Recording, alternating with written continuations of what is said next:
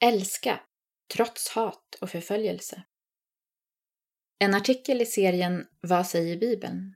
av Jakob Andersson. Har de förföljt mig ska de också förfölja er. Johannes evangeliet 15 och 20. Jesus säger dessa ord när han samlat sina lärjungar till en sista måltid. Kanske kan vi hoppas att han inte menar vad han säger, eller att det bara gällde de tolv första lärjungarna. Men tyvärr, om du gör en sökning på orden lidande och förföljelse i Nya testamentet kommer du få massvis med träffar. Motstånd verkar ha varit en självklarhet för de första kristna. Och inte bara för dem. Kollar vi i Gamla testamentet, kyrkans historia under 2000 år, och hur det ser ut runt om i världen idag, är mönstret detsamma. De som tar sin tro på allvar och följer Jesus får på olika sätt lida för det.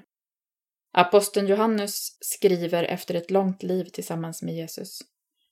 Bröder, var inte förvånade över att världen hatar er. Första Johannesbrevet 3 och 13. Som kristna ska vi inte bli hatade för att vi är störiga, dåliga på att lyssna, onyanserade, känslolösa eller för att vi tror att vi är bättre än andra. Jesus var ett perfekt föredöme i hur man bemöter människor med kärlek och respekt.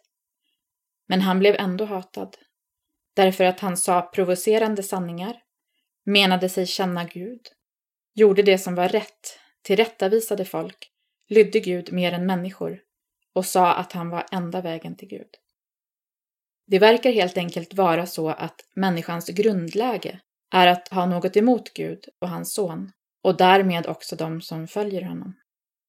Men Gud älskar alla människor och vill omvända dem. Därför är vår uppgift att fortsätta sprida Guds kärlek även om vi blir hatade. Vi får göra som Jesus. Vi får våga vara obekväma och ha annorlunda åsikter ibland. Men vi får också be för dem som förföljer, svara hat med kärlek och visa på Guds öppna famn och att han vill rädda. På så sätt kan vi återspegla något av Guds nåd, som är det enda som kan mjuka upp människors hjärtan. Att vara kristen är att vara annorlunda och det kan vara oerhört tufft. Men det du har i Jesus är bättre än allt annat och det som alla människor behöver, även de som hånar kristen tro. Så tänk på dem. Tänk på Jesus och alla dina kristna syskon som lidit. Och tänk på den fantastiska evigheten som väntar.